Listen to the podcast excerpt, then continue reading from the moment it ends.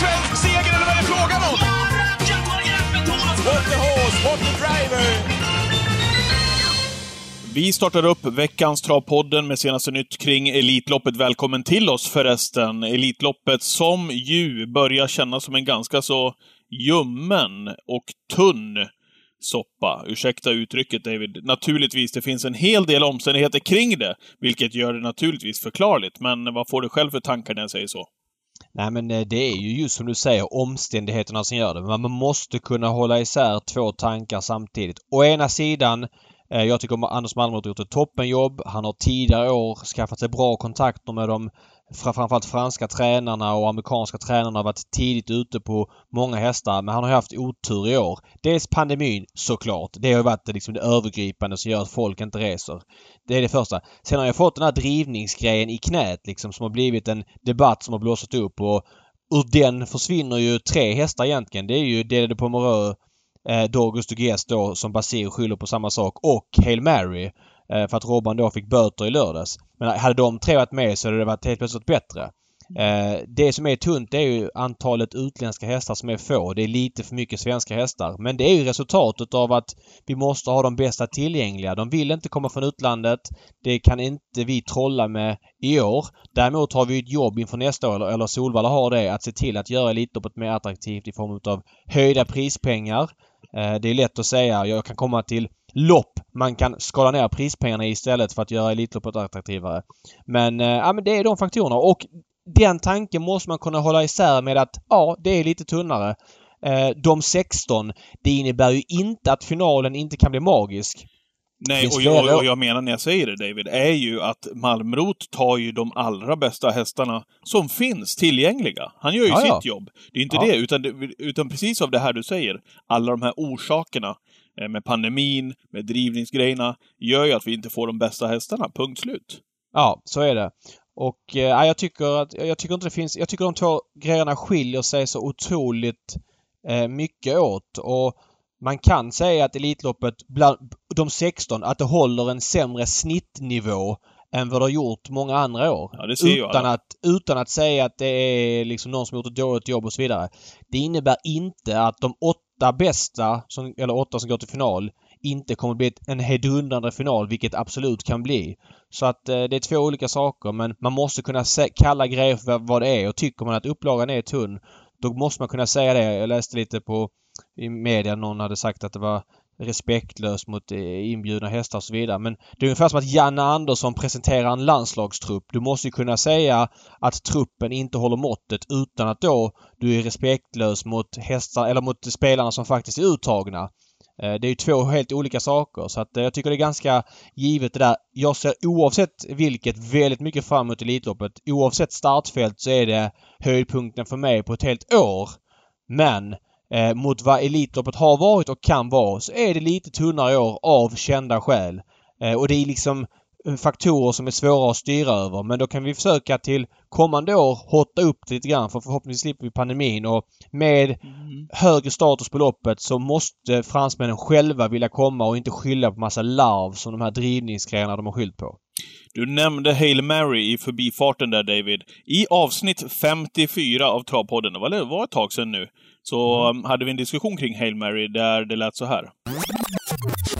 För mig känns det som en utopi att han ska gå ut i Elitloppet med den här matchningen. Nej, han kommer dyka upp såklart. Du tror det? Det där fick... Ja, ja, ja. Det där, det där fixar han ju till. Okej, okay, med två lopp innanför Det är klart han ska vara med i Elitloppet med Hail Mary. Ja, ja, ja. ja. Ah, ja. Han vet precis vad han gör, precis som Marcus säger. Inte, inte om, om bara hästen är, är fräsch och allt det där så... Ja, då, det är klart att han är med. Okej, okay. ja, spännande. Ja. Vilken otippad åsikt från dig. Jaha. Ja men vadå? Du tror att han går ut liksom ett lopp nu i år på Åby och sen går ut direkt på Solvalla liksom? Till Elitloppet? Som tredje starten för året? Ja, men, ja kanske. Okej. Okay. Han vet vad han gör. Han ja, han jo, gör. jo, men att han vet vad han gör det innebär ju inte per automatik att han går ut i Elitloppet. Alltså jag menar, det är ett argument som, nej, som är lite nej. flytande tycker jag. Eller? Ja, det är flytande men han har ju, han har ju en häst liksom som... Ja, men jag, jag tror att han hinner sätta ordning honom. Tror jag i alla fall. Vi får väl se. Det visar sig framöver. Ja. Ja, och av allt att döma så, eller det är väl redan beslutat, så får jag rätt. Eh, han ställer inte upp i Elitloppet. Eh, så får jag rätt säger du! Det, det, han skulle ju vara med i Elitloppet med Hail Mary. Det hörde du väl i intervjun efter starten ja. i Umeåker senast? Ja, eh, jag tyckte också att Robban öppnade för det faktiskt. Och redan när han anmälde till Umeåker från Åby så kändes det som att oj, här har han bytt fot. Här kommer han nog sikta mot Elitloppet. Gissningsvis tror jag för att det såg så tunt ut just där och då. Ja, men, han, men, Tror du att han kom på det, helt ärligt David, på Umeåker efter den prestationen? Nej, men, han har ju nej. haft det där i huvudet hela tiden ja, utan att jag, sagt det. Jag, jag tror att det växte fram. Det har växt fram när liksom de utländska eh, nej tacken har kommit i, i eh, tät följd. Ja. Då har han liksom känt att ah, men det här loppet, jag kan inte torska det här. Att jag tycker det också var härligt att höra Robban där i intervjun med, eh, i V75 Direkt när han sa det att och är den där stor favorit, Don Fanucci liksom, den där så, ja, då, då triggade honom att starta såklart. För han kände ju att han hade ju grepp på honom såklart. Eller rättare sagt, han hade ju, ja, slagläge på honom ifrån den, eh, och det var lite skillnad på löpningsförlopp de två emellan också. Så det ja, triggade honom det. lite.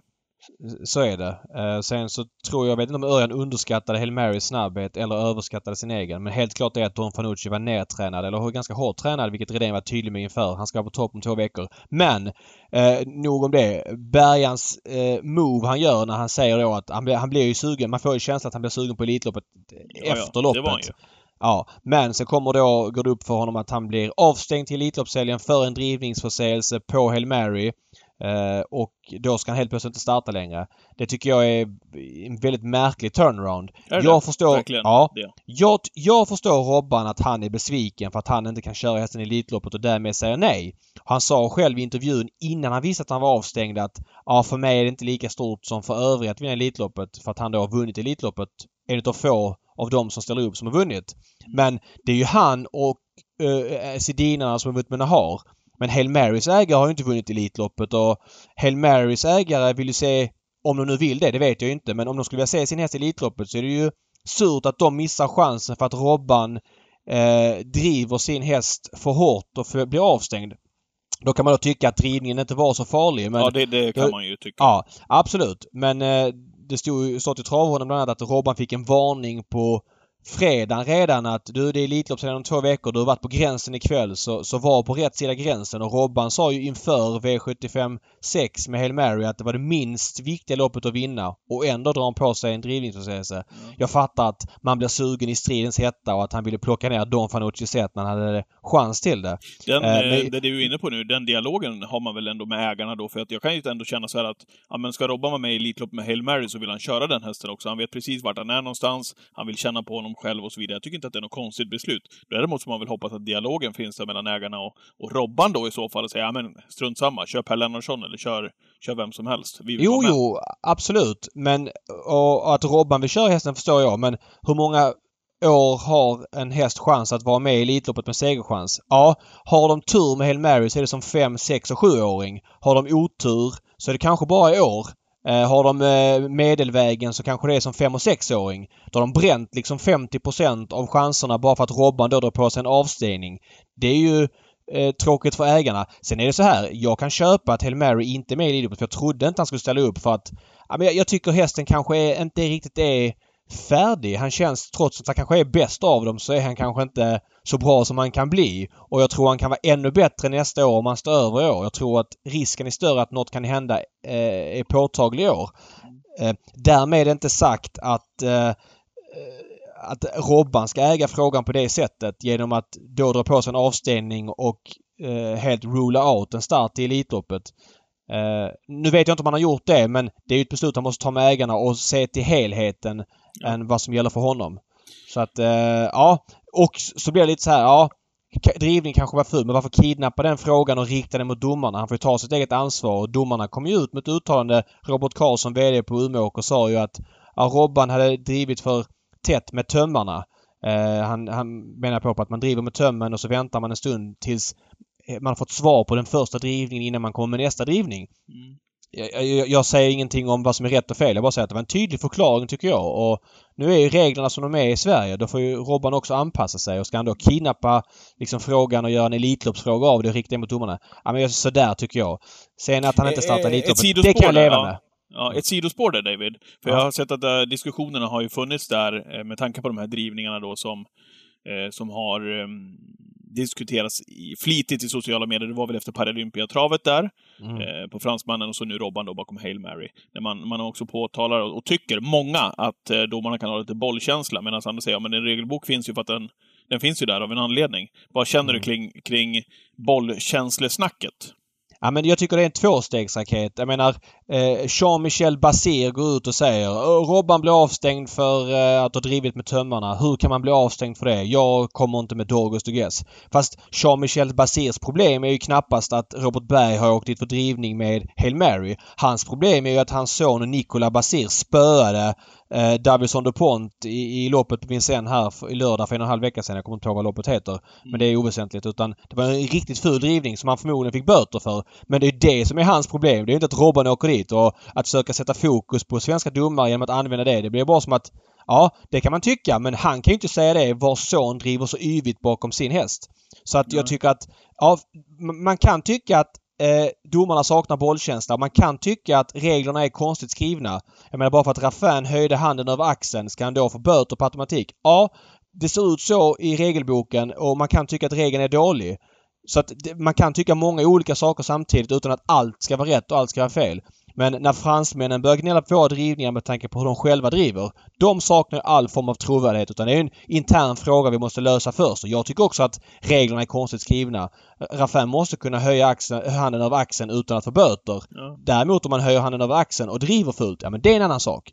Så att eh, det finns nog lite tolknings eh, missar, lite regelmissar eh, i, inbakat i det här. Jag tycker inte det är klockrent och reglerna måste kanske skrivas om. Mm. Det tror jag nog många är överens om. Mm.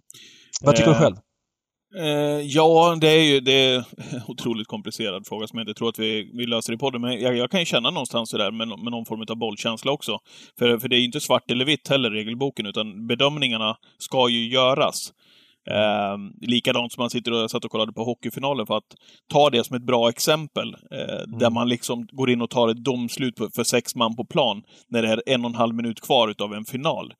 Eh, och det ser man titt som tätt i varenda omgång, men det blåses inte före då. Men hur kan man då göra det i en final? Ja, men då säger man, ja men de var ju sex man. Ja, absolut. Men det är de ju så många gånger annars. Varför gör det i en final? Lite samma här. Ha lite taktkänsla då, för det är fortfarande en bedömningssport också, även om det står Men saker i om, om regelboken. MIF Redhawks möter Leksand i en femte avgörande finalen och är sex man på plan med en minut kvar. Ja, men det, ja, precis. Det, det är det jag menar. Det är fortfarande en bedömning som ska göras. Om det är sex man och de spelar ute med sex man, men nu var det ju sex man vid båset, jag, jag sa inte det. Men då var de precis i ett byte och de är kanske till och med sju man. Men det händer i stort sett i varje match. Hade man däremot spelat med sex man och du får ett klart övertag, ja men då är det ju såklart. Precis som att en drivning, ja men kolla här, det är ju så många rappel, han höjer armen så många gånger och så vidare, eller det är enhandare. Ja men då är det ju ingenting att diskutera. Men man får ha lite bollkänsla i ett dömeri också. Eh, även om det finns en regelbok. Ja, men, men jag är helt enig om att eh, domarna i Sverige tolkar reglerna olika. Det är problem. Det måste vi komma åt. Och sen så kan jag tycka att reglerna är konstigt skrivna i vissa fall. Det tycker jag också. Men jag tycker också det är jävligt larvigt när fransmännen ska säga till oss hur vi ska göra när de själv har en drivningskultur som ja, men, i vissa fall spöar Ja, hästarna. Det är nej. inte optimalt. Nej. Sen kan man vrida och vända på det där. Cockstyle blir inbjuden vid en full drivning i Köpenhamn. Det kan man också tycka liksom. Ska han då vara med i Elitloppet? Ja, då kan man å andra sidan tycka att åh men vi kan inte säga till vad danskarna de ska göra utan vi kör efter våra regler här. Så att ja, vi, vi kommer nog inte längre än så men man kan sortera olika frågor eh, samtidigt. Redén hade väl sagt det, du nämnde Don Fanucci Setter som höll undan för eh, Hail Mary att han ska vara som bäst under Elitloppet och att han hade tränat tufft. Mm. Är han favorit till Elitloppet nu på, på fasta odds, Don Ja, Fanucci? jag tycker det. Jag tycker det. Han har visat att han klarar Oj. två hit. Han vann ju på 1.09,6 Sprintermästaren förra året och var sjukt bra i andra hitet. Eh, jag känner mig väldigt trygg med att Redén vet vad han har eh, Don Fanucci sett. Jag tycker man känner av det på många uttalanden. Men jag vill säga att det är väldigt knappt. Men en aspekt i det hela är att jag tycker Örjan är otroligt vass på att hantera dåliga spår i Elitloppsförsök. På att ta sig till final som tvåa, trea från kassalägen. lägen. Ah, Island fick spår 8 2010 i försöket. Örjan kvalade in som trea. Nu hade Tarzan tur som drog fem framför sex i finalen. Eh, nu fick han fem. Johnny Taktor eh, satt upp bakom Iceland. Resten är historia. Men Örjan är jävligt bra på de där grejerna att, att få liksom, ja men, en, ja men kunna kvala in dem utan att bruka lagom mycket. Det finns fler exempel på det där så att eh, jag tycker det är en, en edge i sammanhanget. Nya hästar ifrån förra veckans podd. Moni Viking, kortis om honom David? Ja, det var lite oväntat för mig och det är det, är är det man inte det vill. ett härligt kort till Elitloppet trots allt? Men- Även om vi har sett Moni Viking tävla, tävla, tävla, tävla, så är det väl ändå Jo. en... Det finns en faktor här. Ja men så är det och när vi säger då att Elitloppet blir lite förutsägbart och man skäller på upplagan och säger att det är en tunnare upplaga. Det är ju för att man eh, har sett många hästar på svensk mark och man vet ungefär vad de kan. Här har vi en lite oväntad inbjudan. Man vill ju bli lite överraskad. För Bonnie Viking såg jag som klar för Harpers. Han eh, var titelförsvarare och han liksom slaktade i de eh, större långloppen förra året. Men att man väljer då en miljon, väljer bort en miljon i första pris. Nu är det inte säkert att han vinner Harpers bara för det men han har haft en vettig chans i alla fall. Mot Ja. Elitloppet eh, och kort distans. Det är ju en dimension som är väldigt kittlande tycker jag. Och det säger också väldigt mycket om att Björn Goop som liksom var orden, eller är ordinarie kusk på den tidiga Elitloppsfavoriten Ecurydé väljer att eh, köra eller ta in Moni Viking som han tränar själv eh, till förmån för att köra Ecurydé. Ha, hade Ecurydé varit som eh, Facetime Bourbon är när han är som bäst Tror du att Moni Viking hade varit med i Elitloppet då under Björn Goops flagg? Ja, precis. Ja. Nej. Det säger också mycket om Björns syn på Ecurydé, tycker jag. Att Björn väljer det här. Så att, eh, ja, det var en väldigt spännande inbjudan som rörde om lite grann. Ja, verkligen. Eh, I övrigt, eh, nya Cockstyle. Ja, Cockstyle är eh, given tycker jag. Som Elitloppssegrare. Han behövde bara visa att han hade bra form. Han gick 10 blankt från döden som tvåa i Köpenhamn i söndags. Det säger ingenting om. Given inbjudning. Ja, och vilken prestation han gjorde i Elitloppet i fjol dessutom. Framförallt i försöket på 1.09,4 från dödens tror jag det var eh, med Kristoffer Eriksson. Sjukt bra. Seismic Wave. Ja, rolig inbjudan. En eh, häst som kommer underifrån. Jag tror inte att Seismic Wave gynnas av två hit. Det är min känsla. Jag tycker han har lite fräschörsproblem ibland. Jag vet inte vad du säger där. Ja, men eh, jag, den där tanken kan jag köpa. Vi blir säkert slagna på fingrarna av tränaren, men eh, Ja, lite den feelingen har man väl. ja, det har man. Eh, Däremot tänkte honom från ett bra spår och han kommer till spets. Han kan väl springa en 09-tid och, och därmed få ett bra spår i finalen. Så att Seismic Wave är också grym inbjudan och given när det blev som det blev liksom. Så jag tycker det är en kul inbjudan också. Du kommer ihåg att jag lirade Cyber Lane för några veckor sedan? Ja, då fick du helt plötsligt valuta för pengarna. Jag tänkte ja. honom med spår 1 i, i försöket liksom. Vad, vad, oro, vad orolig jag blev när aldrig, när aldrig inbjudan kom någon gång. Jag var tvungen att messa Untersteiner här i början på veckan. Så, vad är det som händer? Du vann ju! Han var ju skitfin Cyber Lane. Lugn, det Vad- kommer nog. Va- Ja, exakt. Nej, Ja. men det, det kändes väl givet när det blev som det blev och han vann på så pass bra sätt. Och det vi ska veta om Cyberlane det är att han aldrig varit med i Elitloppet. Han har ju haft chansen tre gånger egentligen, eller varit halvaktuell. Tre år sedan, eh, då tackade man nej som femåring. Som sexåring vann han ett försök till Sweden Cup, trea i finalen, slagen av Chief Orlando. Förra året fick man ingen inbjudan. Så att, eh, ja men kul med Cyberlane och det Han blev kan, också han, kan, han givet. kan väl vinna med bra spår, eller? Ja, jag, jag tror inte... Jag tror det är liten segerchans att han ska vinna över dubbla hit. Eh, Jag tror han är lite för vek om man jämför med andra hästar på den här nivån sista biten. Men här vill jag bara berömma Malmrot för här tycker jag han har haft helt rätt bollkänsla i vilken ordning han har bjudit in hästarna. Jag hade nog gjort precis samma sak sett till tillgängliga hästar. Så att här har det skett mycket snyggt. Och sen har vi Gelati Cat. Det är Ja, väl, Gelati- är det inte lite brist på annat utländskt kort, eller? Jo, så känner jag att det är. Alltså så här, inte att det är en dålig... Alltså jag, jag hade också bjudit in Gelati Katt för att han höjde sig upp när Dorgus Dugues försvann. Så är det ju. För mixens skull. Han är tillräckligt bra för att vara med- för att vara med i Elitloppet. Han var startsnabb i, i Olympiatra- Paralympiatravet. Eh, kanske inte hade supermycket kvar till slut men ändå tillräckligt bra och som utländskt inslag och han är ju kvar i Sverige och där var det Harpers eller Elitloppet så att jag tycker också det blev givet när det blev som det blev. Så att, eh, nej. Också eh, men en kul häst som ändå är lite svår att sätta in. Måste också i sammanhanget säga att jag tycker att det är så jäkla kul, rent ut sagt, att Ulf Olsson, som har kört och legat på den här nivån, som till och med har höjt sin toppnivå till topp-topp, får chansen här bakom Ecuride, eh, världshästen, att köra honom i Elitloppet. Det, ja, jag unnar Olsson det. Vore kul om Ecuride kommer tillbaka i gammalt gott slag när det är dags för försöket där. Eh, ja men det håller jag absolut med om och det var väl nästan givet för Olsson hade kört Ecurydé en gång tidigare och Ja. Erik och Björn som har kört honom var upptagna bakom andra hästar så att när Olsson inte hade någon dittills, nu kan han ju kvala in disco på lördag, Mm. men eh, jag tror att han behövde ge Hamres ett beslut och då chansar han lite grann med det här. Vad tycker du om inbjudningarna? Är du också nöjd med dem? Alltså de ja, som som, ja, absolut. Ja, men det är och det var ju där jag började podden. Jag tycker att han, Malmrot, han tar ju de hästarna han, de bästa hästarna som finns på kartan just nu. De, Ja. som, de som vill komma och de som kan komma. Det är de som Ja. kommer att vara med i Elitloppet, så att... Eh, nej, så, så är det. Nej, Eh, jag, jag, det Däremot så... Ja. Ja. Däremot, däremot så är jag nyfiken på vad du säger om de här tre platserna som nu återstår då. Om du ska få leka Malmrot för en liten stund. Eh, och då ska mm. vi veta att en av de här tre kommer då att tas av gulddivisionsvinnaren nu på lördag eh, ifrån Gävles V75-omgång, som vi strax ja. fokuserar mycket, mycket på. Men vad säger du då? Ja men det är ett pussel han har. Han kommer ju vänta med de här tre inbjudningarna till eh, lördagens lopp på Gävle. Jag tror att clickbait ligger väldigt bra till för en inbjudan. Men den kan försämras lite grann av att Disco Volante vinner på lördag. För jag tror att, ja men för mixens skull så vill jag inte bjuda in häst 15 och 16 till Tarsan. Nu är det visserligen olika ägare på hästarna. Men jag tror clickbait missgynnas lite grann om Disco Volante vinner. Eh, men jag, jag tycker clickbait ska ha en inbjudan. Sen är den andra vikt för en utländsk häst. Vi måste ändå mixa upp det lite grann. Vernissage, Vernissage Griff var väl helt okej okay Filan Jajo. Eh, det var inte wow ju. Han var ju slagen av eh, ja, Hicko de Poo bland annat där som vann loppet. Men hästen har kapacitet. Han är väl i Sverige, borde vara i varje fall. Och Gocciadoro vill komma.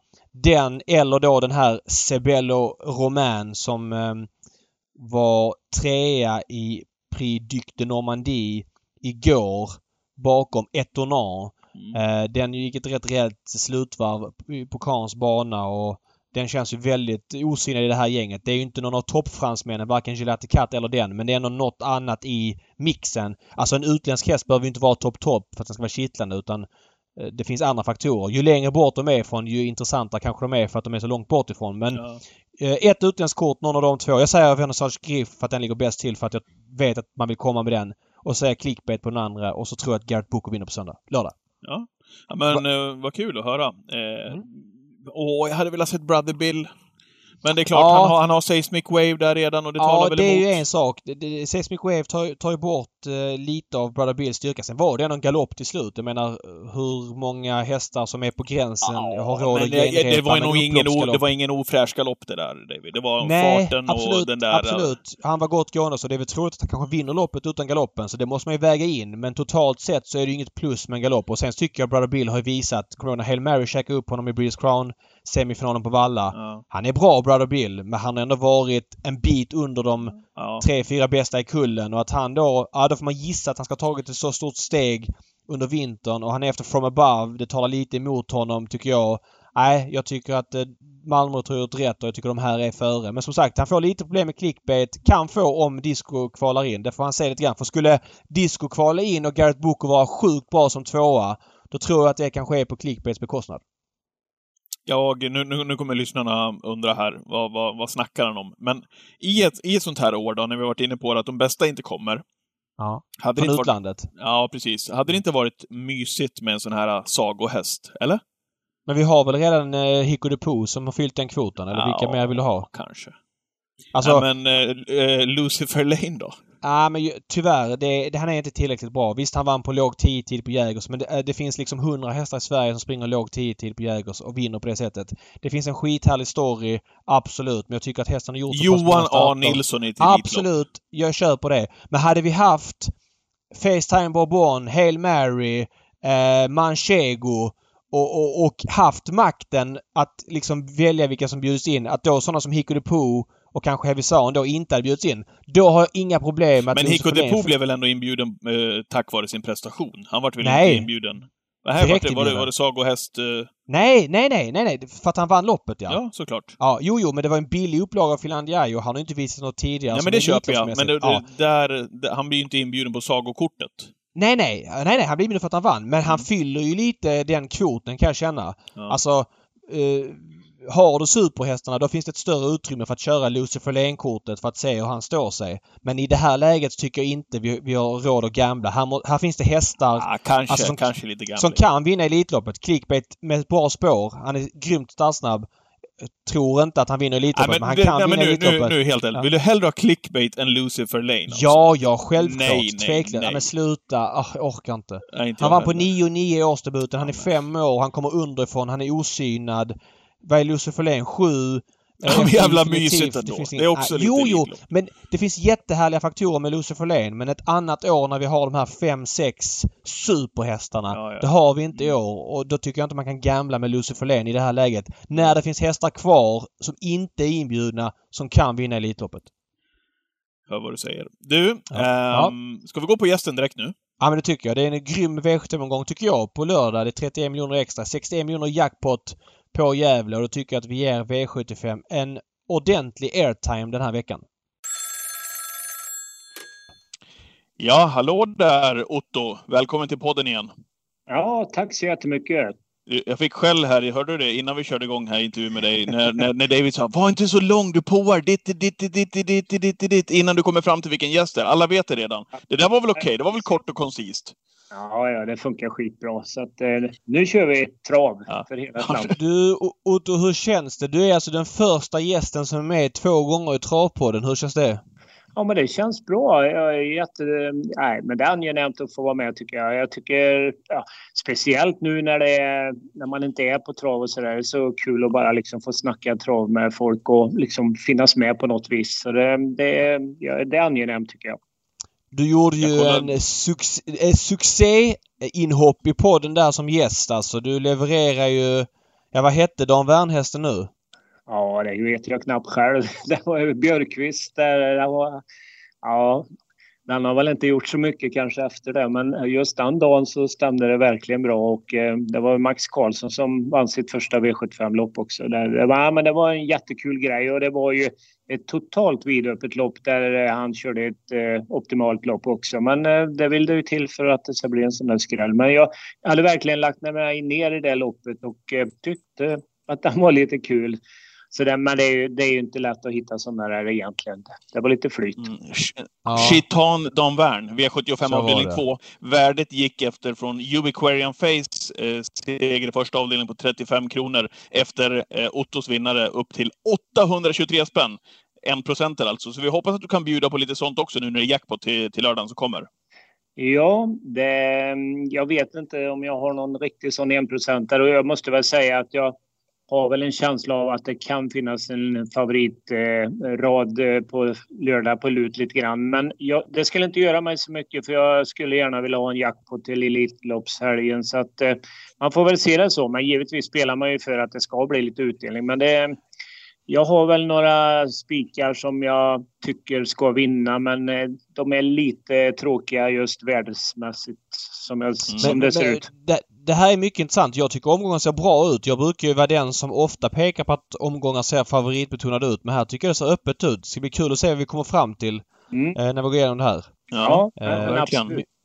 Mycket intressant. Men vi kör igång då. Det är ju alltså 20... Nej, 31 miljoner extra eh, Jag i... tänkte eh, bara, jag tänkte jag skulle bryta dig lite ner istället för Ja. vi pratar lite hur man spelar och sådär. Och jag har ju sagt att jag alltid tar alla i sista. Såg du vad som hände förra helgen?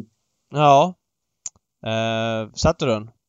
Ja, det gjorde jag. Nej! Snyggt! Snyggt. Snyggt! Grattis! Grattis. Gav den? 100... Det, det var ju inte så svårt om man alla i sista.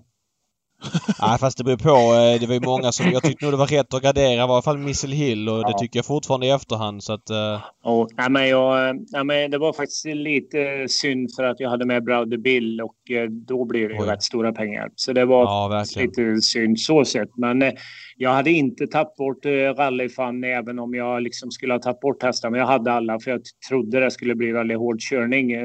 Men man ser det. Jag vet att du gärna... Jag vet, hur rankar du rallyfan i det här, David? Bara lite för skojs skull. För du är väldigt noga med liksom att du rankar hela loppen. Jag orkar inte riktigt det ibland. Då tar jag alla istället. Ja, Ja, jag hade en, jag missade en, Jag spelade faktiskt en... eh, eh, jag spelade med lite faktor på Joker-systemet. Mm. Eh, Mm. Försökte givetvis få bort många rader med fem rätt men jag hade, jag hade fått... Eh, jag hade sex hästar för 10 V7 i eh, sista. Och jag hade 20 V7 med... Eh, vad heter den som ledde Uffe Olsson-hästen? Ehm, Ja, just det. Ja. Mm. ja. Ja. Eh, exakt. Den har jag fått 20 med och, och 10. Och när jag ser längst ut i banan, för jag, jag vill ju ha bort Swagger. Ja. Så, och det, det kommer liksom hästar. Så Welke är den jag jobbar på då. Så ser jag bara någon komma längst ut. Och då, som jag har sagt ofta i den här podden att då känns det ofta bra för jag vill ju ha något halvskrälligt. Sen så bara... För jag, för jag hade Rossi Palema tror jag. Det var den jag ville ha. Så Ja. oj, det där var inte så bra. Mm. Så, så helt plötsligt. Det var, var, var det. Surf and Turf Olsson körde? Ja, för Ja, ja, Den hade jag fått det. 20 V7. Den hade varit jättebra för mig men det kändes ju kallt redan efter 500 meter. För det gick för fort första fem och det var lite halvkladdig bana så att ja, ja. Nej, men mm. det var ju liksom lite läge för eh, skräll för att både Emilia och Sandra skulle ju ladda rejält och sådär. Mm. Så att, men skitsamma, det var bara lite kul att det faktiskt blev en nollprocentare i sista där. Det var lite häftigt. Ja, verkligen, verkligen. Snyggt eh, mm. tippat igen och grattis till vinsten. Ja, Tack. verkligen. Vi får väl se vad vi kommer fram till då. Vi, vi kör ju lite fokus på V75 den här veckan med tanke på det du sa där, eh, David. Vad hade du i jackpot miljonerna? Ja, 61 är det totalt. Det var 31 extra. Så att eh, det ska bli kul. Och Gävle och ganska fulla fält förutom V71. Men det kan man leva med. Och jag ja. tycker det ser ganska öppet ut. Uh, Otto åt favorithållet. Jag vill säga det. Jag, jag lipar inte heller om det blir jackpot till uh, Solvalla nästa vecka. Men jag vinner hellre en miljon själv på V75 mm. uh, mot att det blir jackpot nästa vecka. Så vi får se. Ja. Rätt. Yes. Vi kör igång då. V75 första avdelning. Jag vill ha er syn på den stora favoriten, nummer 6 van Gogh ZS, som har begåvats med ett springspår. Och Per Lennartsson här, vad tror ni? Om jag ja. kan börja bara säga att jag ja. tror att eh, Per Lennartsson har jättebra chans att komma till ledningen. För jag ser inte någon utmanare eh, till just det. Och eh, det gör ju att hästen har ganska bra vinstchans. Jag, jag ser inte alls som att det finns några riktiga dunderdjur här. Så att det är väldigt... Jag är rädd för att han får liksom defilera i lite lugn verkstad där och vinner på det. Även om jag tycker att det är en häst som inte har kanske den kapaciteten för att vara spelad till 54 procent. Men jag är rädd för att det blir lite som senast där att eh, ledaren tar ledningen i första avdelningen. Ja, ja jag förstår väl också att hästen har en bra chans om den kommer till spets. Men jag är inte helt säker. Dels så säger man från stallhåll att hästen inte har den där formen eh, som den hade när den var som bäst eh, tidigare. Och om man tittar på starten senast så är det ju, tar han ju två, tre galoppsteg som inte är med i programmet. Han är ju lite stökig från volten. Eh, dessutom så har han gått barfota runt om fyra gånger och galopperat i tre av dem. Dessutom eh, vill man ju köra tre Majestic Man i spets som är väldigt snabb självklart träffar Per och, och hästen kommer till spets, ja men då är det väl bra chans. Men jag tycker den här hästen känns eh, lite som många Lovejoar. Väldigt kapabel men tar du emot lite grann så har den inte den vassaste eh, löpskallen och skulle det inte bli spets så är det en 54-procentare som känns totalt iskall. Så jag kommer gardera på här lite grann. Mm. Det är som Otto säger, det finns inte jättefett där bakom men två Sanchez Enso bra för Lugard i, i dennes debut och Lugard vinner ju med allt för dagen. Han vann ju till och med med min häst Oliver P Hill i, i tisdags på Jäger så det är ingen häst som vinner den. Då har man stallform, så mycket kan jag säga. Grattis! Eh, Jacques Noir, eh, tack! Jacques Noir i ny regi som lisas av Jennifer Persson den visst på 4 är jobbigt ju men den är väldigt lite spelad under 2% på V75. Så vi betalar den för 10 Red Bars som fick gå i dödens på V86 senast. Nu kommer den slippa det och litet fält gör att de borde kunna hamna bra på det. Jag kommer måla ja. på i V71. Yes, du, äh, äh, ja, förlåt Patrik. Nej, kör du Otto. Nej, men eh, hur eh, troligt är det med Majestic Man till ledningen, eh, David? För att alltså, eh, den här eh, van Goghen, den vinner ju inte i dödens. Och då är, det ju, då är ju loppet totalt vidöppet som jag ser det. Alltså då är det ju direkt för eh, den här Sancho så tror jag lite, kommer att ha lite jobbigt i våldstart här från Sport 2. Ja, det tror jag också. Jag tror, det, jag tror också San Jose är lite resesällskap, det håller jag med om.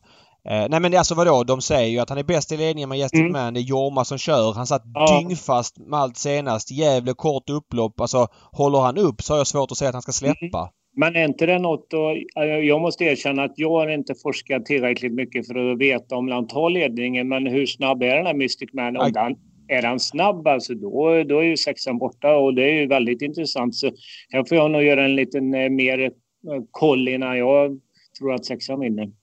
Ja men mm. kolla, de möttes ju senast. De var på samma volt senast. Då mm. hade man Man 2 och eh, Van Gogh ZS 3. Och det är då Van Gogh ZS tar några galoppsprång men ställer sig.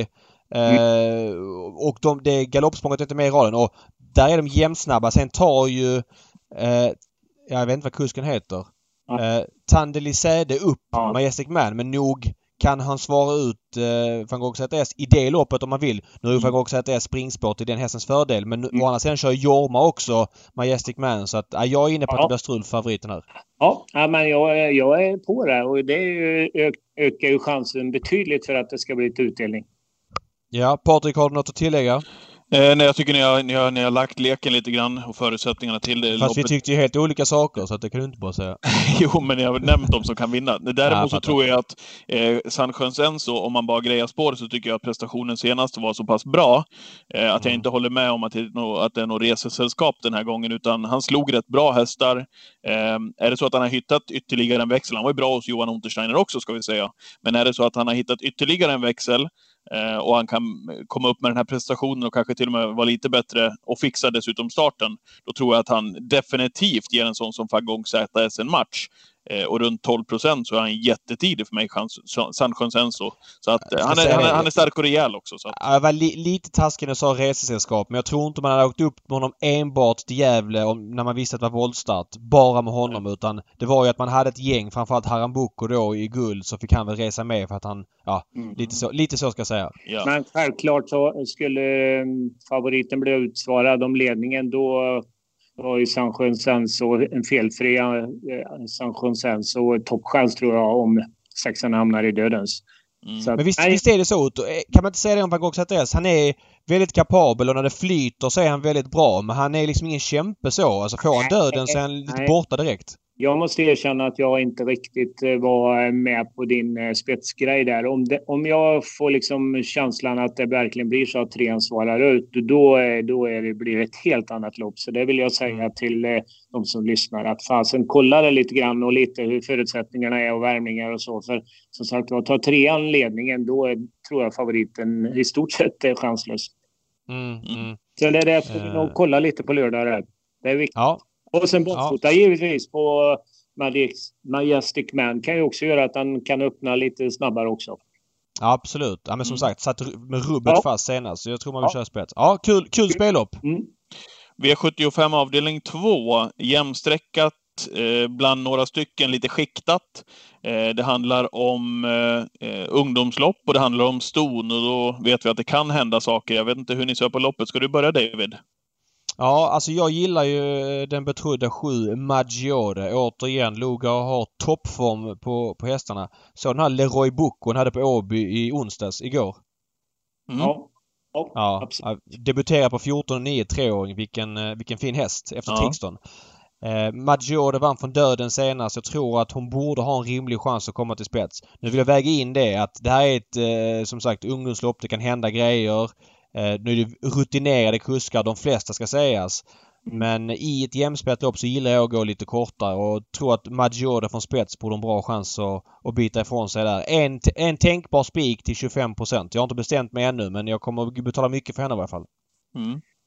Nej, jag har inte så mycket att säga om det heller. Det är ett väldigt förmånligt läge att ha när det är två hästar på springspår alltså. Och Mark Elias har ju utvecklats enormt så att han är ju proffs. Jag tror att han borde och jag tror också att han kommer kunna utnyttja det läget. Så han, det är ju mycket som talar för ledning, helt klart.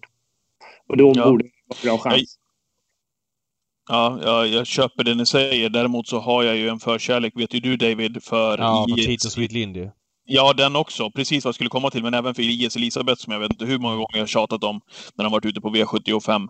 Eh, jag älskar faktiskt när de har spår 3 på 20 meters tillägg. Jag ty tycker ofta att de, är det några som slinker, eh, slinker ner på plankan av dem på start så får de alltid en bra position tidigt i loppen.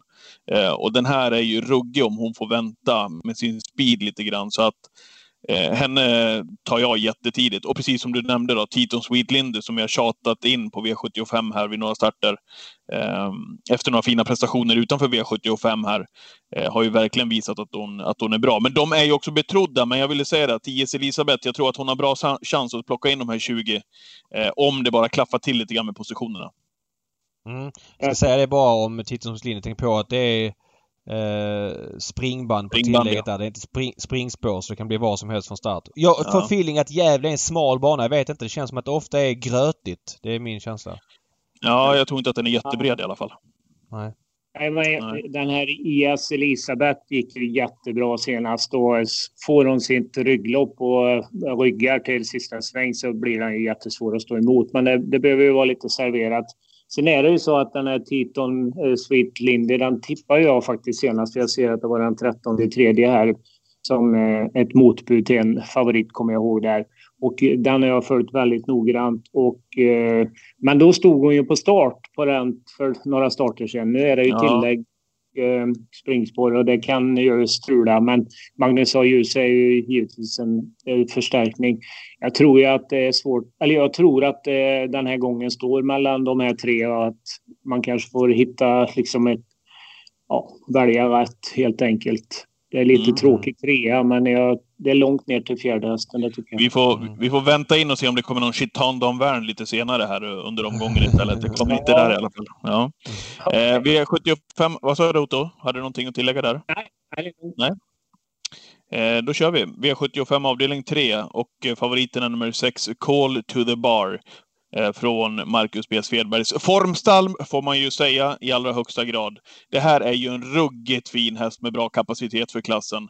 Eh, jag tror att eh, Call to the Bar normalt sett vinner ett sånt här lopp. Jag tycker att han har pengar att tjäna ordentligt upp i klasserna. Jag tycker inte att motståndet skrämmer speciellt mycket. Han håller sig runt 25 procent i nuläget. Det är min givna första häst och skulle det eh, vara så att Call to the Bar ligger runt de här procenten, ja, då, då kommer jag nog gå på honom på lördag. Vad, vad tänker ni om mitt resonemang? Eh, det är lägsta klassen och eh, det är väl ändå kanske här man får försöka att gå emot favoriten tycker jag eftersom ja, det finns en viss orutin. Jag vet inte, har du någon koll på om allt har varit bra? Det är ett tag sedan han startade i alla fall. Jag vet inte om det är bara att sikta på det här loppet. Ja, precis. Var det, den startade väl här i slutet på april? Ja. Eller det, var, det var ju, den slog ju den här äh, Goop-hästen som, som, som Goop körde då. Det var väl, var det en Gocciadoro-häst som var tvåa väl när jag var inne och kollade lopparkivet? Ja, Balla USM. Mm. Eh, precis. Jag tycker att liksom, insatserna och prestationen är så pass rejäla att normalt sett så... Ja, men som jag säger, den här hästen ja. kommer att tjäna pengar framöver och, och håller den sig runt de här procenten så är jag, kommer jag bli svag eh, mm. för Call to the Bar. Du då David? Jag har ingen speciell vinkel här. Två Senator vill jag betala för mycket senast och hoppa den i volten. Den är ganska snabb ut och var ju bra direkt efter långt uppehåll. Jag tycker Jeppson är en av man säger ofta att hästar är kuskförstärkta men Jeppson är otroligt bra på att köra lågt spelade hästar. Jag tycker han får ut maximalt av det när det gäller liksom att um, Ja men jag vet inte. Det, han kör liksom med dem på läppen på, på något konstigt sätt. Svårt att förklara. Jag tycker mm. han är bättre än många andra toppkuskar på att köra sämre hästar om jag säga så, mindre spelade. Ja. Senator är en sån som jag tror han kan få lite snurr på. Alltså han brukar köra det men jag tror det är så pass bra att det räcker på V75 med en bra löpning. Ja, jag fattar. Eh, Otto, innan du, innan du kommer här med dina tankar. Jag vill bara säga det också. Jag mässade lite grann med, med Per Skoglund här som äger tillsammans med Paula I'll find my way home. De har också fått upp den eh, och gjorde det efter starten senast. Jag såg den i Rättvik. Eh, man var ju väldigt förvånad, eller förbryllad över uppträdandet på I find my way home i Mantorp. Där ni kommer ihåg, han sprang mer och vinglade mm. åt sidan när man sprang rakt fram och kom då till Rättvik senast och var jättefavorit i ett litet billigare lopp. Eh, och eh, uppträdde märkligt även senast. Det blev en del galopper, men jag såg hästen efter galopperna också när han passerade mållinjen en bit efteråt. Eh, och då såg han väldigt fin ut. Men man vill väl ändå se att han sköter sig till de här procenten. I'll find my way home. Även om det finns fart så vill man väl ändå se att ett bättre uppträdande från honom innan man springer på honom eh, på V75 igen, tänker jag. Eller? Jo, men det känns ju självklart att det är absolut inget att gå på. Även om man har flera hästar i loppet så kan han ju vara med. Men det är ju en sån där man är väldigt tveksam till alltid som spelare tycker jag. Speciellt som 18-procentare. Så att eh, nej, tveksamt för min del. Jag, eh, ja, men jag mm. hänger på David lite grann med senator där som jag har bra koll på. Och eh, som eh, David sa så var han jättebra när, eller i comebacken och senast var faktiskt Kalle väldigt eh, optimistisk eh, från voltstart där och trodde att han, han skulle nyttja det lite, hade han nog tänkt, för det var bara fem hästar på start då, att han skulle använda det som lite springspår. Men hästen funkar ju inte i volt helt enkelt, så det blir ju pannkaka. Men jag, jag tycker den är ju jättegiven om man eh, eh garderar favoriten. Mm. Sen, eh, ja, alltså ja, vinner favoriten här med som du tror eh, eh där så tror jag att då blir det svårt med utdelningen. Så jag kommer ändå gå emot. Jag förstår att den här Call to the Bar är en riktigt talangfull häst och Ulf Olsson och mm. allting. Det ser bra ut. Man kan inte säga annat. Men här gäller det väl att välja rätt spikar för att klara det och det blir inte min Alltså Global Black Money känns lite... Tyckte de var ute ett ganska skapligt gäng och satt lite fast senast och det är barfota och det är kort distans och skulle det hända något med favoriten som är innanför då är väl det en eh, intressant 7 7 procentare. Men lite på att det är ett eh, unghästar. Ja. Kan inte Lennartsson svara upp då med Mr Briljant så det blir dödens favoriter? Det är ju inte alltid så lätt att vinna på den här positionen oavsett. Nej så är det ju. Det är klart, det är klart att det kan bli, det kan bli viss häx i och med att Miss ja, Brilliant två och tre snabba ut ja. också. Så och att, Miss det... Brilliant har väl tänt till hos Robban också. Och där förväntar man väl ett offensivt upplägg så att... Mm, mm, mm. Ja, ja. Nej, jag garderar med äh... respekt för favorit. Yes. V75 avdelning 4. Här får ni hjälpa mig hörni. Eh, favorit är nummer två, Ulfsåsen. Det är ju en härlig häst Ulfsås. Jag har följt han därifrån eh, sina första starter där. Eh, när han liksom har trummat på med sina eh, segrar. Han har ju varit häftig att följa Anders Wallins hästar som Per Lindroth ofta har kört. Eh, ändå lite elddop nu väl, även om han är talangfull och allt det där. Men hur gör vi?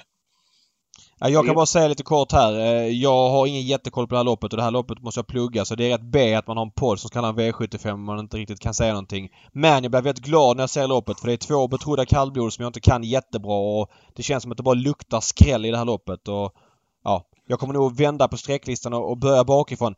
det kommer jag såklart inte göra men jag kommer gå från det hållet i varje fall. Jag, jag kommer att spela på skräll här. Det är det enda jag vet helt Får jag hjälpa er lite grann på vägen med en häst som jag har sett uh, live här på sistone? Det kanske... Ja, ja. Och det jag är... vet jag ska tippa men kör du. Ja. Ja. Eh, jag gillar Björli Fanner jättemycket alltså, nummer 14 eh, Eh, som har gjort några riktigt fina prestationer här. Eh, 3 barfota runt om, vann på den balansen på Valla här i april. Eh, den, den är stark och rejäl. Han skulle absolut kunna vinna ett sånt här lopp trots att han står 40 meters tillägg, Björli Fanner. Och på sina 3% så kanske det kan vara en Chitan Dan Wern den här veckan, eh, Otto David. Mm. Ja, jag, jag tänkte, jag förstår att man eh, hoppas på skrällen, men jag tror att nummer 15, Ard, bara vinner. Jag tycker att den, den ser eh, oerhört bra ut tycker jag. Givetvis kan det komma hästar i vägen när man står så långt bak och att det eh, blir stopp i tredje spår och lite sånt där. Men den farten som Ard har visat, eh, jag tror inte att det är någon som, i det här fallet, fältet som har någon chans tyvärr. Men står man inte otroligt tufft inne på dubbla tillägg? Det är ju den spontana känslan. Mm, men jag tror han är så snabb så att han bara blåser runt dem. Jag tycker att han har sett så oerhört speedig och eh, ja, helt enkelt rejäl ut. Så jag, jag, tror bara att han vinner. Men det är ju, ja, Ja, men vad härligt att höra det också Otto. Jag såg hästen på, på Romme här i början på april när han slog rätt bra hästar faktiskt den gången. Mm. Ett gäng V75-hästar, eh, ja. Ard, tillsammans med, eh, med Östre. Han vann väl med hela upploppet innan det var klart. Eh, till det loppet som jag refererade till nu. Det var ju väldigt eh, rejält eh, störd alltså. Så det var inte hästens förskyllan. Och, och så är det lite i de jävla nordsvenska loppen. Att mm. det kommer eh, ekipage farande ibland och då är man ju chanslös. Liksom hinner man ju inte undan. Men eh, händer det inte något konstigt då tror jag att Ard vinner. Jag var tvungen att gå in och kolla segermarginalen på Romme den 9 april. Han vann här till loppet som jag pratade om. Han vann på 23 och 9 där. 10 längder skrevs eh, segermarginalen till. Så att, ja, jag håller med dig. Det är en jättebra häst. Men jag ville nämna Björn Fanny för att han har sett så bra ut här på Björn, ja, om, om man nu garderar då. Barfota är ju spännande givetvis. Ja. Men, eh, alltså det, det är en... Ja. ja, förlåt. Ja, nej, jag, jag, mm, ibland får man ju ta ställning och, och, och det gör jag just i den här avdelningen då. Mm. Men jag måste säga propositionen är ju speciell eller sådär. Det är liksom eh, Det är väl öppet för alla som jag har förstått det men tillägg då vid 700 och de som har ställt upp vid, som har över 700 de har liksom precis över 700 hela bunten. Mm. Ja, det är, det är lite tufft anmält. Jag håller med dig. Men jag tror den här hästen är under kraftig utveckling och mm. kommer att gå upp i eliten. Eh, ganska, eller ja, jag tror den är nästan där redan nu. Mm. Ja. Jag har en, eh, en, eh, en lika klar som du har i Ard i V75 4 har jag en klar i V75 5 Otto. Så jag tänkte att mm. ni skulle få börja här för att se om ni kan toucha vid min vinnare som jag bara tror vinner V75 5. Eh, Otto, du får börja. Ja, eh, Zeolit eh, blir ju ganska stor favorit och den har ju varit bra och nu så gjorde han ju, fick han ju ledningen enkelt senast och gick undan pliktskyldigt på en ganska bra tid med Erik Adielsson och eh, den lär väl laddas framåt här nu. Men eh, jag kommer inte gå på den hästen och jag tycker att, att jag hoppas och tror att det kan bli lite körning. Och eh, som sagt, jag garderar. Och eh, den som jag vill varna för då, som om det är ingen nollprocentare, men nummer två, Powerbank, är startsnabb och barfota bak och har fått två lopp i kroppen från spår 8 och spår 12. Hoppas att han ska sitta i, ja, i ryggledaren någonting och kan vara en häst som, som ändå rensar till lite i, i kuponghögen. Ja. Mm. David? Sen några... Uh, ja, jag kommer uh, betala mycket uh, relativt sett för nummer 9 Reven Deja Vu. Jag fattar inte riktigt strecken här. Det är låg omsättning och så vidare men den är alltså under 2% och visst, står lite halvtufft inne och det är ganska bra hästar. Men eh, spår 9 här känns väl helt okej okay med rygg på powerbank och den här hästen var ju med dem i mål senast från en ganska bra löpning och har vunnit eh, jag men på så här, vad var det V86 vann med eh, William Ekberg för två starter sen tror jag det var. Måste bara dubbelkolla det så att jag inte yrar. Eh, det var det. V864 vann den dagen. Det, det, ja, men jag gillar hästen helt enkelt och till under 2 så, så måste jag betala för honom tidigt. Det är väl det som jag tycker sticker ut spontant eh, mm. i ett öppet lopp. Mm. Ja. ja men det är Ja. ja, förlåt. Nu, nu vill vi ha vinnaren. Ja, den klarar ja, ja, men det kan jag säga. Eh, mm. Så här är det. One kind of art, nummer sex. Biken på nu. Eh, fullt medveten om att eh, han har galopperat otroligt mycket i karriären. Men på sina 17 starter så har han bara förlorat en enda gång felfri. Han har ju vunnit sju, sju, av de här 17. Den gången han torskade när han var felfri, då var han tvåa eh, bakom Brother Bill. Resten har jag haft fullständig lekstuga, one kind of art. Jag vet hur högt Oscar håller den här hästen. Eh, brorsan My Dream Art som har tjänat betydligt mer är inte i närheten av kapaciteten som den här besitter. Eh, sköter han sig, ja då är det liksom inget snack. Svåraste motståndaren är han själv. Sen får de heta Zeolit och de får heta Hombrede och allt vad ni nämnde där. För felfri torskar han inte. Sen är frågan om man vill, vill, vill gambla på det eller inte. Men till de här procenten så tänker jag göra det i alla fall. För jag tror inte att vi får 16 procent på, på One Kind of Art så många gånger till i, i de här låga klasserna. Där har ni vinnaren. Mm. mm. Kul att höra Patrik. Vilket, uh, vilken bomb du levererar. Ja, vi får se det på lördag om det är en bomb eller inte. Men uh, just när han torskade där, när han var tvåa bakom Brother Bill. Resten har han ju liksom ja, vunnit ganska så bekvämt. Så att, mm. ja, vad, vad, vad skönt det är när man har en sån där häst som man verkligen tycker att nu jäklar, nu, det här ser toppen ut. Det, jag, jag är väldigt glad att höra det. För det är så man vill, ibland har man den där känslan som du har där. Och eh, jag förstår att du har lite insikt där också och liksom bra kompis med Oskar och fått all tänkbar info och så här. Och jag, är det så, jag är inte förvånad där du säger så att jag, jag köper det fullt ut. Jag, jag kan det inte så bra som du men är det så som du berättar, då låter det skitbra. det är kul när du säger det, Otto, för man får, ju den där, man får inte den där känslan så ofta när man slår upp V75-programmen. Men ibland kommer de ju ut till en i programmet när man, ja. när man sitter och bläddrar. Och så den känslan hade jag den här gången. Eh, känner ägarna väldigt bra också, som är eh, otroligt kunniga och travintresserade. Så att eh, jag har fått bra info på, på, på honom därifrån också. Och de har ju i sin tur naturligtvis jättebra dialog med Oskar. Så att eh, den kommer jag gå på på lördag om det inte dyker upp några braskande rapporter på honom. Men det ska det väl inte göra. Bike på som ja. sagt också. Mm. Ja, men det är jättebra. För er som eh, ska ha många hästar så är väl nummer 11 Pacific Kingdom ändå lite intressant med barfota fram. Jag tror aldrig att han har slängt några skor tidigare. Den är ju väldigt tuff den där hästen. Samtidigt så kanske det är svårt att hinna med. Den är nog gynnad av när det är lite sämre banor och sådär. Den är ju mest stark. Men skulle nu det bli en riktig körning så är den spännande till... Ja, där har vi den där enprocenten. Ja. Men ja. lite långsökt. Jag, jag köper egentligen din idé som spik. Bra resonemang då tycker jag med, och notering på en sån häst. För det känns ju så med hans aktion, Pacific Kingdom, liksom han lägger ju otroligt mycket mark under så att han, får han lättas upp lite grann så ska det bli spännande att se honom framöver. Ja, liksom skulle det bli eh, 11,5 första varvet, då, då är ju den skitspännande. Mm. Men ni vet i alla fall vart rullgardinen dras ner någonstans om One Kind of Art galopperar på, på, på lördag. Ja, jag förstår. Ja. Vi, vi vet. Vi vet. det vet ni. Gravöl i Leksand efter V755. Så ja. kan det bli. Så kan det bli. V75 avdelning 6 då. Nu är det dags att uh, skicka ytterligare en häst till Elitloppet. Vem blir det? Eh, Otto? Eh, eller David? Vem vill börja? Ja, jag, jag, tycker att jag har med en ganska bra uppfattning i det här loppet. Jag tycker ju att ett Disco Volante blir ruskigt överspelad som 45-procentare. Ja, han är startsnabb och så vidare men han har inte samma form som han har haft i vintras. Eh, visst, han vann senast på 10-3 men det var ju inte något superintryck över mål. Eh, Disco Volante är en profilhäst deluxe som V75-följetong och han är häftig på många sätt och visst vinner han så har han liksom, då blir han ju en faktor i Elitloppet.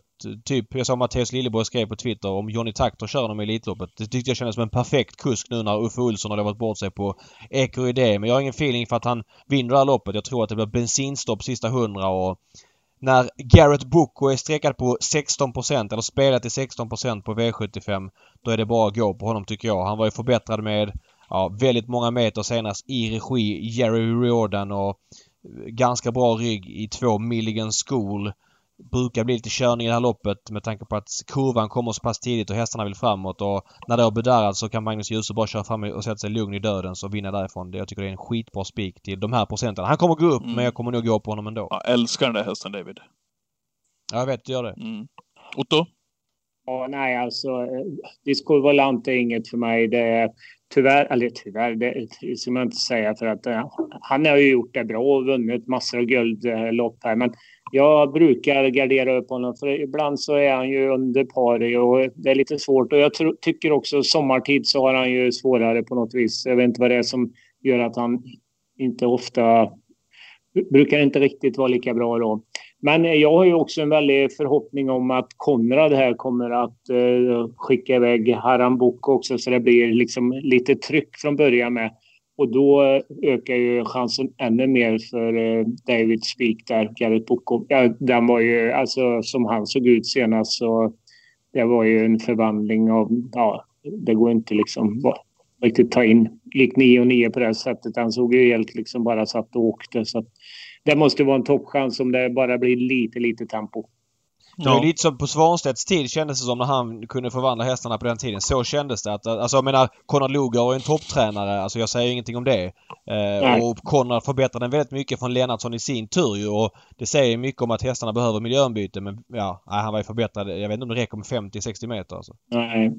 Sen om, om det, alltså man skulle gärna vilja se att det här inte var en engångsföreteelse utan att han är så ja, bra. Jag, jag kör på det.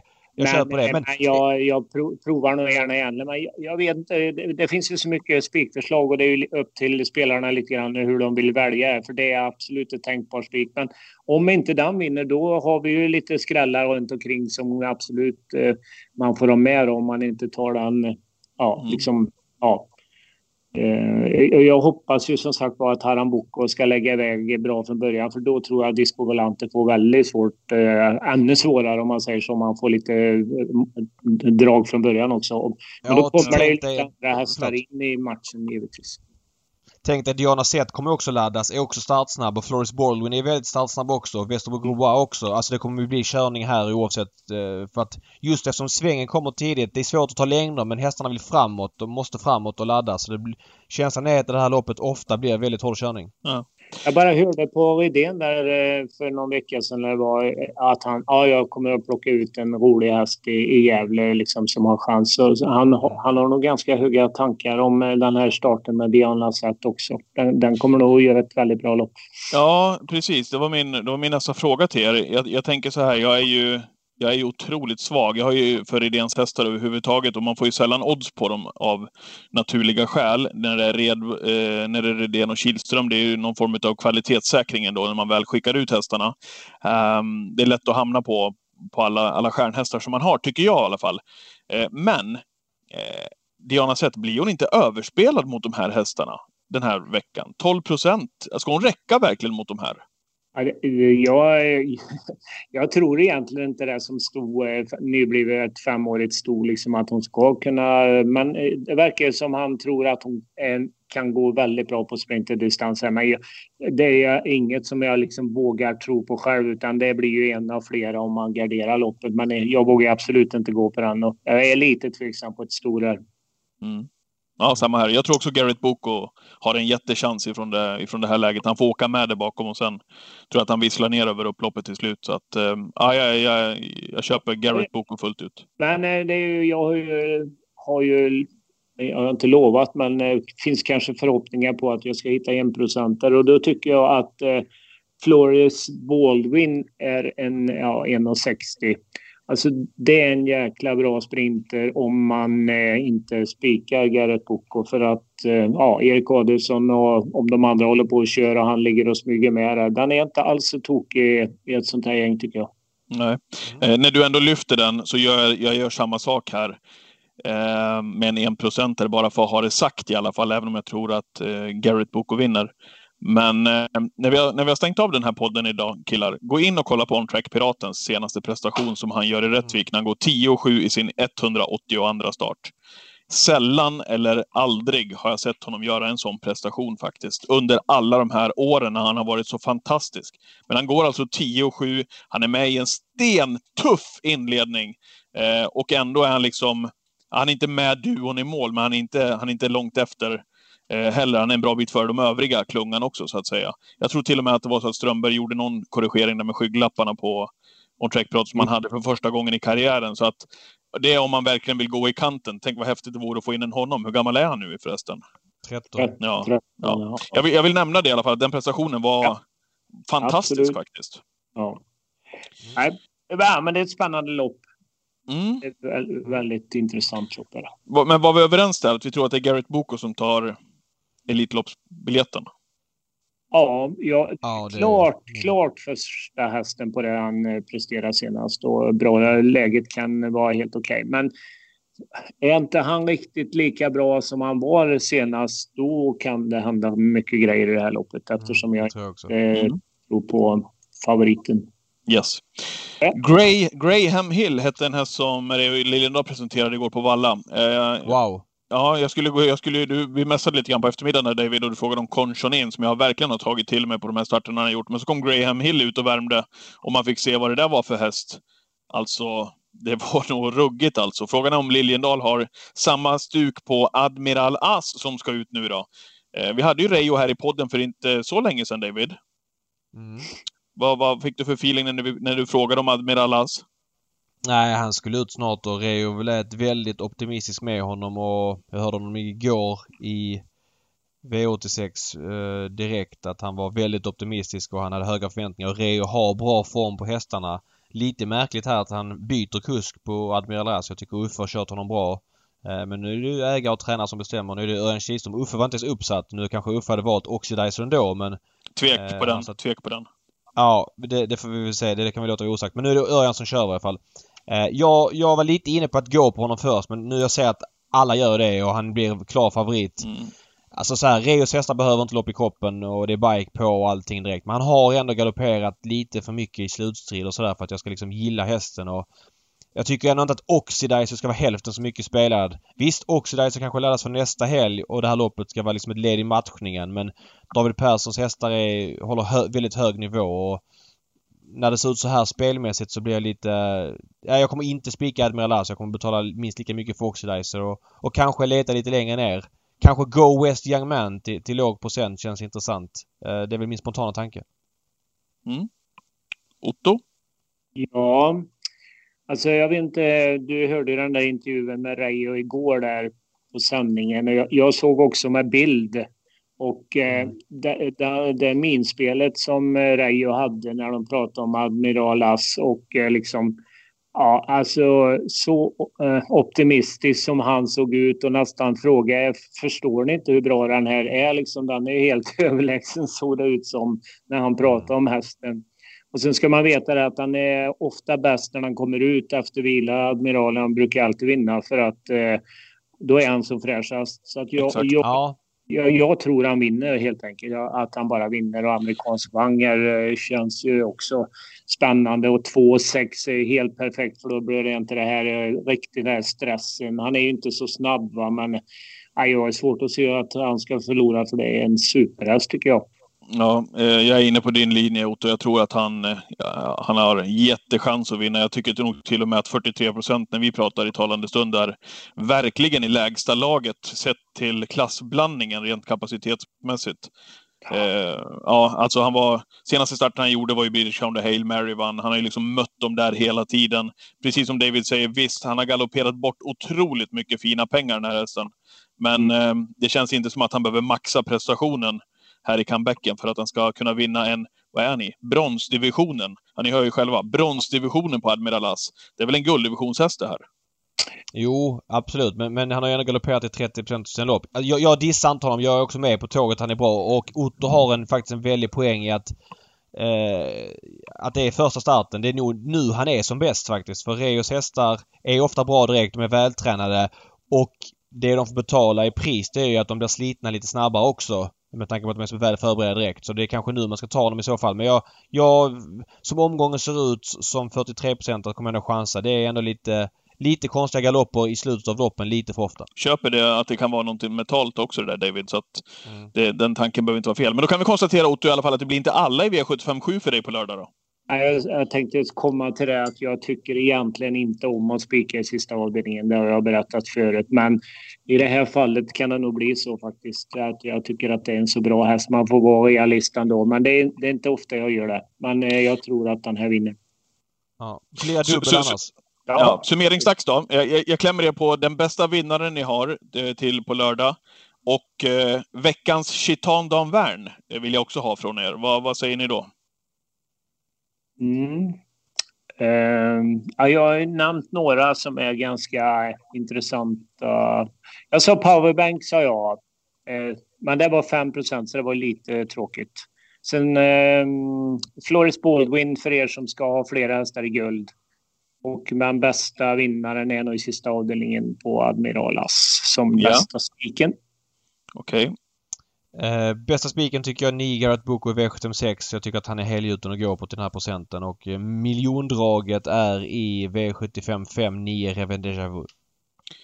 Ja, så, så mycket trodde ni på min idé One Kind of Art när ni nämner, när ni nämner eh, motbuden där, Revender, Chavu och, och, och, och, Powerbank. Men, men jag, jag, jag, jag fattar vinkeln.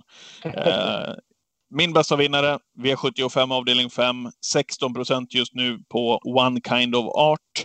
Eh, och veckans eh, Chitan Dan ja, det får bli 13-årige On Track-piraten. Okej, okay. Mm. Är vi nöjda där? Vad härligt att få ja, gå och köra ja. V75-omgång igen med dig här Otto. Ja, tack detsamma. Otto. Tack detsamma. Ja. Och, eh, vi hoppas att alla får en härlig spelvår nu och eh, Elitloppet om en vecka också. Det är ju häftigt. Ja. Vem tror du vinner det? Jag är... Nej, jag har faktiskt ingen jag tror på riktigt. Jag tycker det ser väldigt jämnt och svårt. Det kommer... Det är, spårlottningen kommer att avgöra allt. Ja. Mm. ja det, så att det får vi vänta på. Innan dess kan inte jag tippa någon vinnare den här omgången, tyvärr. Nej. Ja, men vad härligt. Ja, spännande. Vi håller ja, connection. Vi håller connection. Otto, sköt om ja. dig. Ja, detsamma. Vi hörs då. Tack. Ha det bra. Fint. Tack. Hej, hej, hej. hej.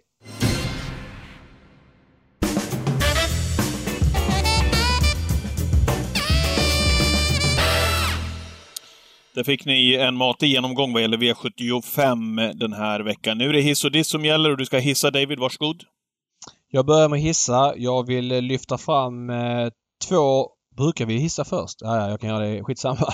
Jag vill lyfta fram två travbanor som Vi hissar ju alltid David först. Ja. Känns som att de är på hugget. Rättvikstravet idag. Du var där och räffade. Man hade ja. restaurangen öppen en lunchdag. Det tycker jag signalerar väldigt, eh, ja, men väldigt seriöst mot hästägare och folk i regionen att man öppnar för så många man kan ha öppet för. Eh, jag var i kontakt med Mattias Stenby som nu jobbar på Östersund. Man kommer alltså under sin stordag till Jämtlands Stora Pris köra 500 pers sittande utomhus, fasta platser. Eh, och man kommer ha restaurangerna eh, fulla, ska jag, alltså fulla man kan ha dem liksom. Och man kommer nog öppna upp extra restaurangytor allt för liksom att serva publiken som man ska göra. Eh, många banor, till exempel Gävle, väljer ju att hålla stängt, helt stängt på lördag trots att man kan ha folk. Eh, jag vill lyfta fram banorna som gör något positivt av det här och verkligen är med i matchen. Rättvik och Östersund, tumme upp! Ja, och jag, jag, måste säga att det blev varm i kroppen när jag äntligen, efter så lång tid, fick vara på en travbana där det kom folk. Jag kände mig som en liten ambassadör när ja. jag stod där. Jag träffade de människor som var på väg upp i restaurangen när jag var nere och gjorde värmningstipsen där tillsammans med Lasse Lind. Och så kom mm. de och sa ja, ”Välkommen!” så jag, ”Välkommen! Ja, så kul att vara här”, sa de. Målgruppen var ju 60 plus och många har säkert fått sin eh, första eh, vaccinations... Eh, eh, första vaccin också. Sprutan, så, ja, exakt. Ja. ja. så är det ju. Men det var så otroligt kul att se alla, alla glada äldre som fick vara på trav och, och göra någonting tillsammans. De satt där i godan ro med avstånd på restaurangen, käkade kalops och hade det förbannat bra helt enkelt. Man blev varm i kroppen när man såg dem. Ja, vaket av Rättvikstravet. Mm. Eh, jag dissar och eh, jag tror, eh, Eh, med mitt dåliga minne, att du har varit inne på det tidigare för länge sedan. Eh, jag tänkte när du var inne på det också att du skarvade väl lite, du kanske tryckte till lite extra för att det skulle liksom bli trovärdigt.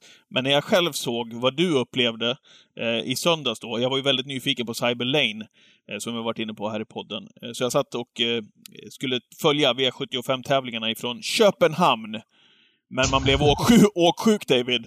Eh, du var inne på ja, det här tidigare. Det är ju helt orimlig nej. Eh, bildproduktion ifrån danskarna här alltså. Man filmar travloppen överifrån från him ovanifrån från himlen, man har sjuka närbilder. Ja. Det är helt omöjligt till och med för en, en som har eh, jobbat med trav i, i 20 år att veta vart de är på banan i stort Ja, det är helt stört. Alltså det är det värsta jag har sett. Men nu var det sämre än någonsin. Alltså det värsta är ju panoreringen. Panoreringen när du liksom tar fältet, börjar på ledaren och så glider du genom fältet.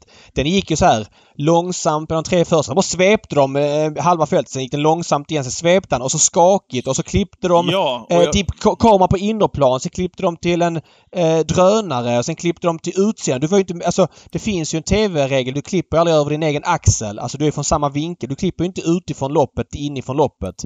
Utan ja, du, du har liksom en harmoni i bildproduktionen. Mm. Jag tycker att vi i Sverige har för mycket närbilder. Det där var det sämsta jag sett. Vilken usel bildproduktion av danskarna! och, och jag, det är så lätt att relatera till det där, för man har ju kört några sändningar off-tube som det heter, när man inte är på banan utan man sitter i Stockholm och kommenterar. Och, ja. och få den där i knät, den där bildproduktionen om man ska kommentera travlopp, av den digniteten, det är ju en mardröm kan jag säga. Det var ju helt omöjligt ja. att hänga med. Så dissen till Nej. danskarna igen, du var helt rätt ute eh, när, du, när du var inne på den här linjen förut och, och, kanske då att det var sämre än någonsin tidigare. Ja, de måste ta tag i det här danskarna. Synd de har så fina lopp liksom, man vill sitta och kolla på, så ja. går inte att hänga med. Man blir sjösjuk av att se det. Helt obegripligt. Annan Twitch-tid nu på lördag, 13.30-ish. Eh, det är Sverige-Danmark eh, först, så att någonstans där 13.30 blir det Twitch och det är du och Raffe Vamos, Raffe mm. Vadsmo, som kör. Mm, du är upptagen med annat eh, och Gambling Cabin har min, fullt min upp yngsta med... dotter ska köra sina första ponnylopp på lördag. Ja, vad kul. Mm. Ja, men Gambling Cabin har fullt upp med hockey-VM och det är Sverige-Danmark där på konstig nedsläppstid. 11.15. Men eh, efter matchen kommer vi vid med, med travsnacket direkt. Ja, och vad händer på söndag då? Jo, då är det nämligen så att det är anmälningar till Elitloppet och alla tävlingar där. Vi kommer ha en extra insatt podd, precis som förra året. Vi kallar det Elitlopps lucköppning. Gästar gör Kristoffer Axén. Kul!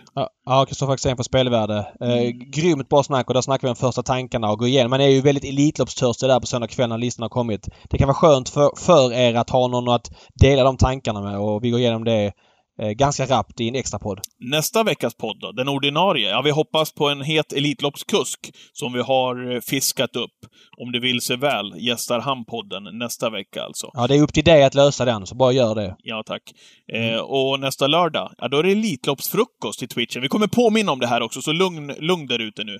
Eh, vi kommer ja. att påminna om Elitloppsfrukosten i Twitchen nästa lördag, när det är Solvallas V75-omgång. Vi kommer att köra 10 till 11 Elitloppsfrukost, David. Ja, Elitloppsfokus med Neves och Skoglund. Normalt sett kör vi klockan 1 till 2 men vi kör så 10 till 11 nästa lördag, Elitloppslördagen. Så att vi hinner, eller jag hinner ta mig till Solvalla för det är slusstider in dit. Jag har ju löst det där nu förresten. Jag ska ja, till Solvalla lördag och söndag. Ja, så att eh, jag måste, vi måste spela in lite tidigare, köra twitchen tidigare för jag kan inte köra på plats med datorn. Det är för mycket sorl där utan 10 till 11 nästa lördag. Mm.